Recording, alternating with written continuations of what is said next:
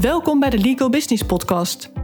De podcast voor advocaten en legal professionals met passie voor het vak en de ambitie om zich verder te ontwikkelen op businessvlak. Ik ben Marloes Kuipers en in deze podcast deel ik waardevolle tips, inzichten en strategieën die jou gaan helpen om het maximale uit je carrière of kantoor te halen.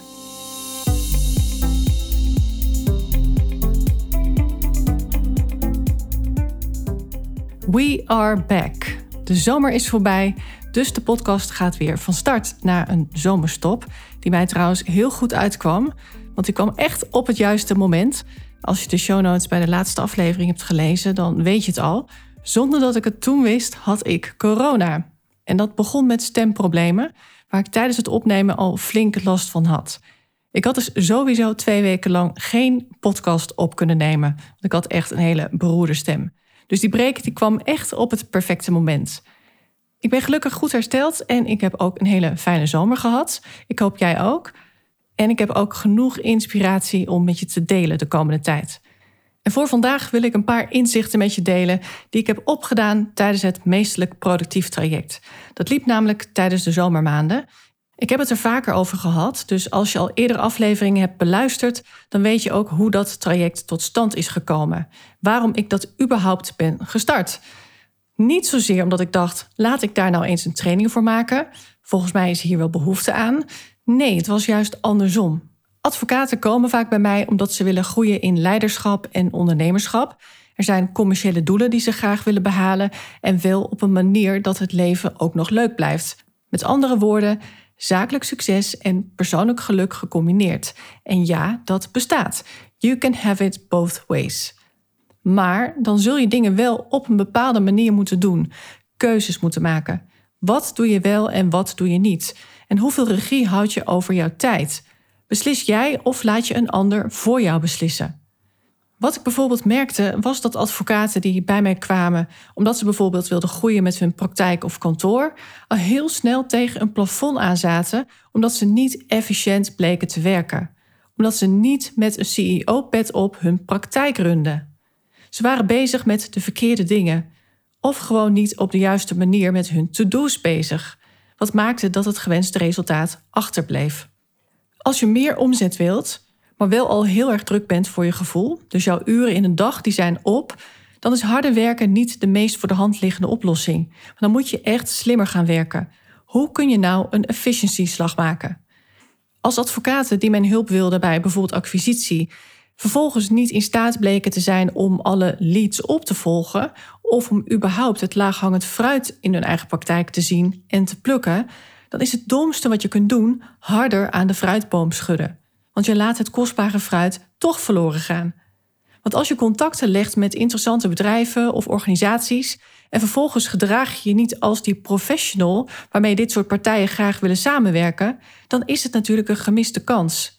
You never get a second chance to make a first impression. Ze schrijven je terecht af. Dus om die reden switchte de focus van de coaching soms naar leiderschap, time management, efficiency en effectiviteit. En dat is niet iets waar ik mijn één op één tijd aan wilde blijven besteden, om meerdere redenen. Allereerst ligt mijn toegevoegde waarde echt op het terrein van maatwerk. Coaching op een dieper niveau of echt strategisch advies op commercieel vlak. Maar als het dan gaat om anders leren werken, heel efficiënt gaan werken, effectiever worden, kunst van het essentialisme als het ware, ja, daarvoor gelden veel meer algemene regels. Hoe ga je om met bepaalde uitdagingen? zoals afleiding. Hoe kun je cliënten en teamleden op een positieve manier africhten, zoals ik dat noem?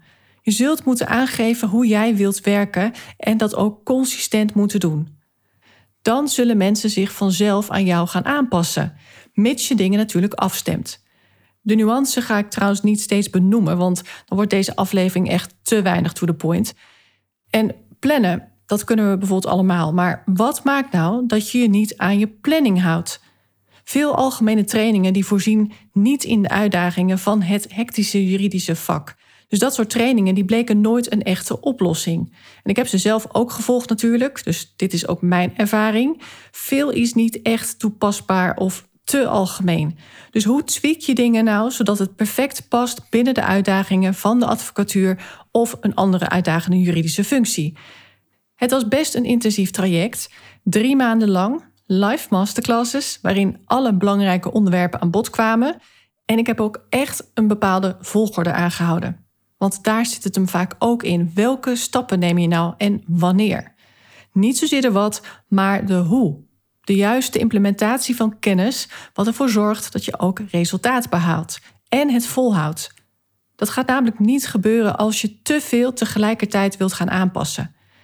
En naast die live masterclasses waren er ook wekelijkse groepscoaching sessies. QA's waarin de deelnemers mij al hun vragen en uitdagingen konden voorleggen. Deze intensieve opzet was echt bewust gekozen, omdat het voor mij ook echt als doel had om erachter te komen wat nou de echte uitdagingen zijn. Wat maakt nou dat je iets misschien wel weet, maar toch niet doet?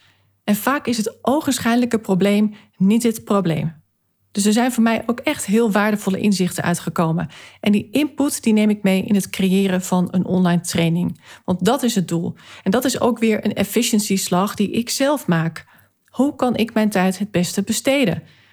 Dat is in dit geval dus zeker niet die één op één coaching op het gebied van time management en productiviteit. Sterker nog, met zoiets als dit geldt juist de kracht van de herhaling. Je moet dingen echt herhalen en herhalen om zo oude gewoontes af te leren en nieuwe, betere gewoontes aan te leren. Dus een online training is echt perfect voor dit specifieke doel. In deze eerste aflevering na de zomervakantie wil ik een paar inzichten met je delen op het gebied van time management. Want ik merk dat advocaten nu weer heel erg druk zijn. Wellicht heb je ook zelf dat gevoel nu. Je was waarschijnlijk in juni en juli al druk, want je zat vlak voor de zomervakantie. Vervolgens ben je dan op vakantie en sta je uit. Althans, de meeste. Die gaan tijdens hun vakantie niet lopen reflecteren en nadenken over hoe de dingen na de vakantie wellicht anders of beter zouden kunnen. En eenmaal terug op kantoor, na jouw vakantie, toen keek je weer tegen een enorme workload aan. En waarschijnlijk ben je nog steeds bezig met het inlopen van de achterstand. Met andere woorden, je bent voor je gevoel weer te druk om tijd en aandacht te besteden aan de oorzaak van het altijd maar te druk zijn. Die denktijd gunnen de meeste professionals zichzelf niet. Dat nadenken, reflecteren en mijmeren, dat wordt gezien als verspilde tijd. Maar tijd besteden aan hoe je dingen gaat aanpakken is echt zoveel nuttiger dan meteen in de actiestand gaan. Dat is meteen inzicht nummer 1. Gun jezelf echt denktijd. Allereerst voorkom je dan al dat je dingen gaat doen die je überhaupt niet zou moeten doen. Als je goed nadenkt, kom je wellicht tot het besef dat een heel andere aanpak veel slimmer is. Dus neem echt de tijd om goed te plannen, om de juiste strategie te bepalen voordat je aan de uitvoering begint. Want neem nou een processtuk. Je kunt beter eerst de nodige tijd besteden aan de strategische aanvliegroute en een outline maken op hoofdlijnen, dan je meteen in de details te verliezen. Details die later wellicht helemaal niet meer relevant blijken te zijn. Of die je in ieder geval moet schrappen om het verhaal strak en to the point te houden. Ik noem tijdens mijn trainingen ook altijd het voorbeeld van de houthakker. Stel je het volgende voor. Er staan twee rijen van tien dikke bomen. Twee houthakkers gaan met elkaar de strijd aan om het snelst die tien bomen om te kappen. Ze hebben alle twee echter een heel andere aanpak. Er ligt een hakbijl voor ze klaar en verder mogen ze doen wat ze willen. De een begint meteen heel fanatiek te hakken. Hij schiet al mooi op met de eerste boom, terwijl de ander nog niet eens is begonnen. Want die ander die ziet een tuinhuis staan en hij gaat kijken of er een kettingzaag in ligt. En die ligt er ook. Dus hij begint met de kettingzaag, totdat hij naar boom 2 stuk gaat. Hij moet nu toch ook met de bijl aan de slag. Maar voordat hij begint met hakken, wil hij ervoor zorgen dat die hakbijl vlijmscherp is. Dus daar gaat hij eerst voor zorgen. En pas daarna begint hij ook met hakken. Zijn tegenstander was zo lekker op dreef, maar begint nu enorm te vertragen. Die hakbijl die blijkt namelijk niet zo scherp, maar eerder bot. Het kost hem steeds meer energie om die bomen om te hakken, totdat het niet meer gaat. Die ander haalt hem moeiteloos in met zijn scherpe hakbijl. Je snapt wel, het loonde de moeite om na te denken over hoe hij deze taak het slimst en het meest moeiteloos zou kunnen aanpakken. Hij heeft zonder al te veel zweetdruppels alle tien de bomen omgehakt, terwijl die ander bij boom 5 is afgehaakt. Compleet gesloopt en hij heeft ook nog eens verloren. Daarom is het zo belangrijk om na te denken over de strategie die je gaat inzetten. Wat is nou slim? Wat is tijdbesparend en het meest effectief? De tijd die je daaraan besteedt is geen verloren tijd. Een tweede inzicht is dat je niet zozeer moet kijken naar hoeveel tijd iets jou kost, maar vooral naar hoeveel energie iets jou kost. Vaak gaan die twee samen. Iets kost weinig tijd en energie of veel tijd en energie. Maar energie wint het altijd van tijd. Denk allereerst maar aan de situatie dat je gewoon niet fit bent. Dan heb je tijd genoeg, maar je kunt niks doen met die tijd, omdat je de energie niet hebt. Of denk aan het effect wat een bepaalde activiteit op je heeft, of een bepaald type gezelschap. Laat je ergens door op of loop je juist ergens op leeg? Dat kan een bepaald type cliënt zijn of een bepaald soort zaken. Daar zit echt verschil in. Je hebt ook twee categorieën mensen. Een categorie die oplaadt in gezelschap, maar je hebt ook mensen die hun accu juist opladen door tijd alleen door te brengen. Dat wil niet zeggen dat ze geen sociale wezens zijn, maar langdurig te veel prikkels, dat is niet waar zij op gedijen. Dus als het gaat om time management en productiviteit, moet je vooral focussen op energiemanagement. En daar ben ik zelf ook erg scherp op, want ook voor mij zit er verschil in. De ene samenwerking is echt de andere niet. Met wie wil ik het liefst werken? Wat voor soort persoon is dat? Denk aan iemands ambitieniveau, iemands doorzettingsvermogen. Hoe coachbaar en gedreven is iemand? Hoe goed of juist niet goed doet iemand de dingen al? Welke doelen heeft iemand? Etcetera. En dan zijn er nog de bijkomende taken. Taken die niet bij jouw core business horen. Die heb jij als advocaat in jouw praktijk. Denk aan allerlei randzaken, de niet-dossier gerelateerde zaken. Maar die heb ik natuurlijk ook. En wat ook interessant is om je te realiseren, dat is dat er ook op dit vlak weer een verdeling te maken is. Want je hebt de visionairs en de integrators. Een visionair is iemand met een visie. Die heeft de creatieve ideeën, maar deze persoon is meestal niet de beste of de snelste in de brede uitvoering van die ideeën. Zo iemand die floreert het beste met wat extra handjes, met een team van goede uitvoerders, de integrators, om zich heen.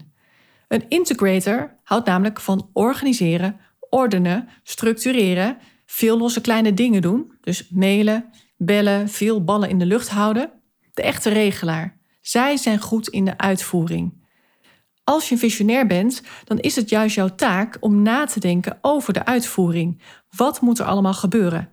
Wat kun je delegeren en hoe kun je jezelf vooral bezighouden met datgene waar je echt goed in bent? Als visionair weet je dus precies wat er allemaal geregeld moet worden, maar vind je juist dat stuk, die uitvoerende taken, niet het leukst om te doen. Je bent er dan ook niet het beste in. Dit vereist een sterke integrator aan je zijde, zodat jij die visionaire rol binnen jouw praktijk of binnen kantoor kunt blijven vervullen. Dat geldt zeker voor jou als je partner bent. Hoe kun je nou een ijzersterk team samenstellen? Niet zomaar een team, maar een team dat jou echt aanvult. Daarvoor moet je goed weten wat er allemaal gedaan moet worden en wie dan op welke plek moet zitten. Alles maar over de schutting gooien is natuurlijk een heel slecht idee. Een visionair moet dan ook een goede leider zijn. Ze zeggen niet voor niks: om succesvol te worden moet je de CEO-pet op hebben. Jouw energie en creativiteit moet je kunnen benutten om jouw praktijk of kantoor te laten groeien, om jouw visie te ontwikkelen, om jouw teamleden en cliënten te kunnen blijven verrassen, om nieuwe kansen te zien en te pakken en zo ook de concurrentie voor te blijven. Wat daarvoor nodig is, dat is dat je tijd en ruimte creëert voor het creatieproces, voor het aanscherpen van jouw visie en het uitwerken van ideeën. Doe je dat niet, dan ga je dus richting een burn-out. En dat kan jaren duren, maar als al die ideeën maar in jouw hoofd blijven broeien, maar er komt te weinig concreet tot leven, omdat je dus stagneert in de uitvoering, ja, dan geeft dat natuurlijk onrust en stress. En als dat jaar na jaar opbouwt, ja, dan gaat op een gegeven moment het licht uit, hoeveel je ook van je vak houdt. Er zijn zoveel voorbeelden van. Je kunt wel willen en toch kan het lichaam het opgeven. Je kunt niet alles zelf doen. Allereerst is het gewoon niet haalbaar. Er zit maar 24 uur in de dag. Maar het is daarnaast ook onverstandig, want je bent nou eenmaal niet overal even goed in. In heel veel taken zijn anderen nou eenmaal beter, sneller of goedkoper. En dat moet je voor jezelf scherp krijgen. Wat moet er van mijn bord af, zodat ik kan doen waar ik de beste in ben? Als je dat doet, dan ga je vanzelf efficiënter met jouw tijd en energie om. Als ik naar mezelf kijk, dan ben ik een duidelijke visionair. Als advocaat werd ik al het meest blij van complexe dossiers waarbij de partner zelf nog geen idee had hoe het zat. Alsjeblieft, succes ermee. Zo ging dat. En om daar vervolgens mijn tanden in te zetten, om uiteindelijk met een soms heel creatieve oplossing te komen, ja, dat gaf mij heel veel voldoening. En dan gecombineerd met de dynamiek van het vak natuurlijk, zoals besprekingen, zittingen, onderhandelingen voeren, dat is waar ik energie van kreeg. Saai of eentonig werk, dat past niet bij mij. Hap-snap werk, zoals ik dat noem, dat is ook niet aan mij besteed. Van die kleine regeldingen die eigenlijk niets te maken hebben met je vak. Dat hap-snapwerk vond ik ook te veel aanwezig in de letselschadepraktijk. Als je nog niet alle afleveringen hebt beluisterd, dan weet je niet dat ik van het een in het ander ben gerold. Van commercieel vastgoed naar insolventierecht en toen naar de letselschadepraktijk. Eigenlijk allemaal door de ontwikkelingen in de markt, zoals je dat eigenlijk ook nu ziet. Maar al die binnenkomende stukken, die je dan eh, als advocaat binnenkrijgt omdat je de schade hebt te berekenen, dat was vooral ongeorganiseerde administratie, loonstroken, allerlei bonnen van onkosten. En vaak moest ik ook nog weer overal achteraan. Ja, en soms is delegeren niet efficiënt, want dan moet je nog meer tijd besteden aan het instrueren van iemand dan wanneer je zelf die mail zou versturen of dat telefoontje zou plegen. En er is wel een oplossing voor, maar dan moet je als kantoor echt kiezen voor een heel andere constructie. Zoals teams samenstellen waarbij een visionair door één of meerdere integrators wordt ondersteund. En dan kunnen advocaten echt met laserfocus vakinhoudelijk werk doen. Nu ik ondernemer ben, kan ik heel veel zelf sturen en dat doe ik ook. Wat wil ik zelf doen en wat niet? Wat is voor nu oké, maar misschien niet voor de toekomst? En hoe ga ik dat oplossen? Soms moet je dingen doen die je niet echt leuk vindt, maar dan is dat eenmalig of maar tijdelijk en dan heb je een concreet doel. Alles meteen delegeren is namelijk ook niet slim, want dan heb je zelf bijna nergens verstand van en dan moet je voor elk klein ding hulp inschakelen. En het is maar de vraag wanneer je die hulp krijgt. Want ik werk bijvoorbeeld met een team van freelancers. Die werken dus niet alleen voor mij, maar ook voor andere opdrachtgevers. Waar je voor moet waken is structureel te veel tijd en energie besteden aan bepaalde zaken waar jij meer op leeg loopt dan iemand anders. Omdat het zo niet bij jou past als persoon. Dus ga voor jezelf eens na, wat zijn die dingen voor jou? En hoe kun je minder doen van de dingen die niet bij je passen? En dan een laatste inzicht voor nu. Stop met het creëren van losse eindjes Stel jezelf steeds de vraag: wat kan ik elimineren, delegeren of meteen zelf afhandelen? En wat er overblijft, dat heb je dan als taak in te plannen in jouw agenda. En ja, dat vraagt om wat discipline, want je moet namelijk stoppen met het creëren van al die losse eindjes. Daar kan ik trouwens een hele aflevering aan wijden. Die losse eindjes waar advocaten echt onbekend staan. Maar moeilijk kunnen beslissen of gewoon altijd alles maar uitstellen. En natuurlijk met het excuus dat ze druk zijn. Maar als je het nemen van een beslissing steeds maar uitstelt, dan creëer je natuurlijk alleen maar meer to-do's. Bovendien is tijdgebrek echt geen excuus om iets wat maar een paar minuten of vaak nog veel minder van jouw tijd kost, niet te doen. En is het iets omvangrijks, dan nog is er meestal wel iets wat je nu al kunt doen. Al is het maar om de bal weer even bij de ander te leggen. Dat is even heel strategisch gedacht, maar dan hoef jij er niet meer aan te denken totdat de ander weer reageert. Laat ik een praktisch voorbeeld noemen. Stel je kunt ergens geen beslissing overnemen. Wat zijn dan je opties? Nou, de enige optie is wat mij betreft ervoor zorgen dat je wel een beslissing kunt nemen. Dus wat is daarvoor nodig? Waarschijnlijk heb je meer informatie nodig. Vraag daar dan om. Of zijn dingen onduidelijk? Stel dan scherpe vragen. Zorg dat je de antwoorden krijgt die je nodig hebt, maar ga niet allemaal dingen parkeren tot in het oneindige. Dat is niet professioneel. Dus dan schaadt het jouw reputatie en heb je er vooral dus ook zelf last van uiteindelijk. Bij mij val je al heel snel in positieve zin op als je daadkrachtig bent en strak op de bal zit. Dus het is ja of nee, of twijfel, maar dan wel goed onderbouwd. Dus echt doelgericht te werk gaan. Je komt steeds een stap vooruit. Duidelijke afspraken maken en die ook nakomen. En het opmerkelijke is dat de mensen die wel heel correct zijn, dat dat juist vaak de mensen zijn die het makkelijkst dingen zouden kunnen laten liggen, omdat ze echt heel erg druk zijn. Maar zij vertrouwen terecht niet op hun geheugen. Zij willen zoveel mogelijk headspace overhouden voor dingen die echt belangrijk zijn. En ze realiseren zich ook dat je iets maar beter meteen van je bordje kunt halen, in plaats van drie keer opnieuw dezelfde afweging te maken. Zal ik dit nu oppakken of toch maar weer uitstellen? Zal ik het toch maar weer doorschuiven in mijn agenda? Nou, dit waren even drie inzichten die ik met je wilde delen. Inzichten die hopelijk gaan helpen om weer in het werkritme te komen. Om dat gevoel van overwhelm wat in te perken en dingen wat meer actief te sturen en daarmee dus ook naar je hand te zetten. Ik zal ze nog even herhalen. Inzicht nummer 1 was gun jezelf denktijd, ook als je heel erg druk bent. Het is echt lonend om goed na te denken hoe je iets het beste kunt gaan aanpakken, in plaats van er meteen zonder goed doordacht plan aan te beginnen. Inzicht nummer twee was: kijk naast de hoeveelheid tijd vooral ook naar de hoeveelheid energie die iets jou kost. En vraag jezelf meteen af: ben ik een visionair of meer een integrator? Bij verschillende type personen horen namelijk verschillende type taken. En zo kun je ook zien of wat jij doet eigenlijk waarbij je past. Inzicht nummer drie was: waar creëer jij nog losse eindjes? En stop daarmee.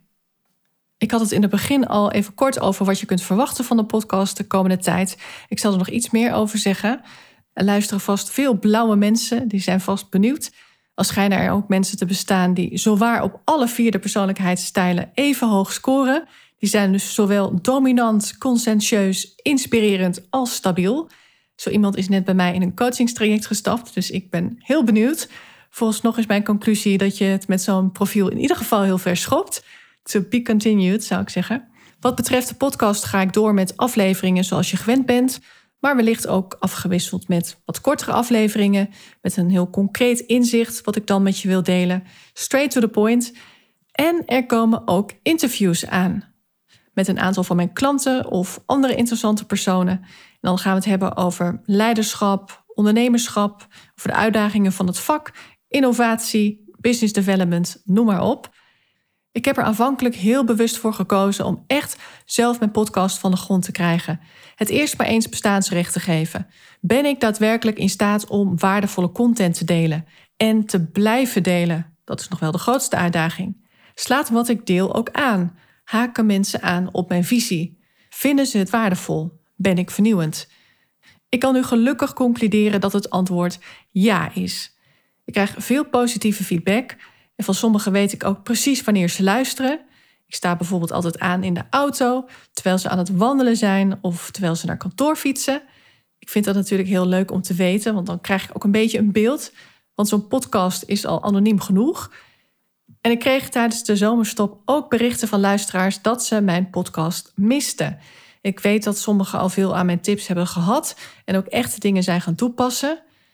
Deze aflevering die gaat over slim met je tijd en energie omgaan. En daar heb ik ook een e-book meestelijk productief over geschreven, die zowaar uitgeprint bij een advocaat op het bureau ligt. Dat kreeg ik deze week te horen. Ze was dingen gaan toepassen, maar had het ook weer wat laten versloffen. En nu ligt het e-book dan uitgeprint op haar bureau als een reminder. Dus dat is een mooi compliment. Want de meeste e-books die worden niet eens helemaal gelezen. Laat staan dat ze uitgeprint op het bureau belanden. Dus mocht je ook meer tips willen over productiviteit, efficiëntie en effectiviteit, vraag hem dan gratis aan via de link in de show notes. Is er nou een specifiek onderwerp waarvan je denkt, daar zou ik nou graag eens een aflevering over willen horen? Neem dan contact met me op. Je kunt jouw input mailen naar info.marloeskuipers.nl of stuur me even een bericht op LinkedIn. Ben je een trouwe luisteraar of luister je misschien voor het eerst en denk je: hey, dit is interessant? Deel de podcast dan in jouw netwerk, want daar help je anderen mee, maar mij natuurlijk ook. Datzelfde geldt voor het geven van een 5-sterren rating, want dan stijgt de podcast in de ranking en wordt die beter gevonden. Via Spotify kan dat al met één simpele druk op die 5-sterren knop en ook op andere kanalen kun je een beoordeling achterlaten. Alvast heel erg bedankt, want je zou me er enorm mee helpen. Nou, dan was dit de eerste aflevering weer van seizoen 2, laat ik het zo maar noemen. Ik vind het leuk dat je weer hebt geluisterd. Vergeet je ook niet te abonneren op mijn podcastkanaal, mocht je dat nog niet hebben gedaan. Of je kunt eh, dit kanaal volgen, ligt even aan waar je luistert. Dan krijg je automatisch een melding van elke nieuwe aflevering. Wel zo handig. Ik wens je nog een hele mooie dag of een fijne avond en graag tot de volgende aflevering. Dankjewel voor het luisteren. Mocht je deze podcast waardevol vinden, abonneer je dan of volg mijn podcast zodat je geen aflevering hoeft te missen. En deel hem ook vooral in je netwerk. Ook zou je mij een groot plezier doen met een 5-sterren review die je kunt achterlaten op iTunes.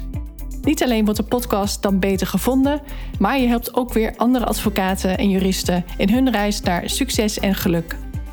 Uiteraard vind ik het leuk om te horen wat je meeneemt uit deze aflevering.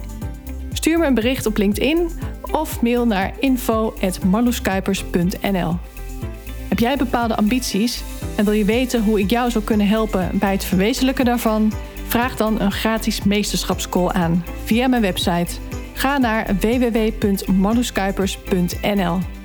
Alle informatie vind je ook in de show notes bij deze aflevering. Ik kijk er naar uit om van je te horen. Tot de volgende keer.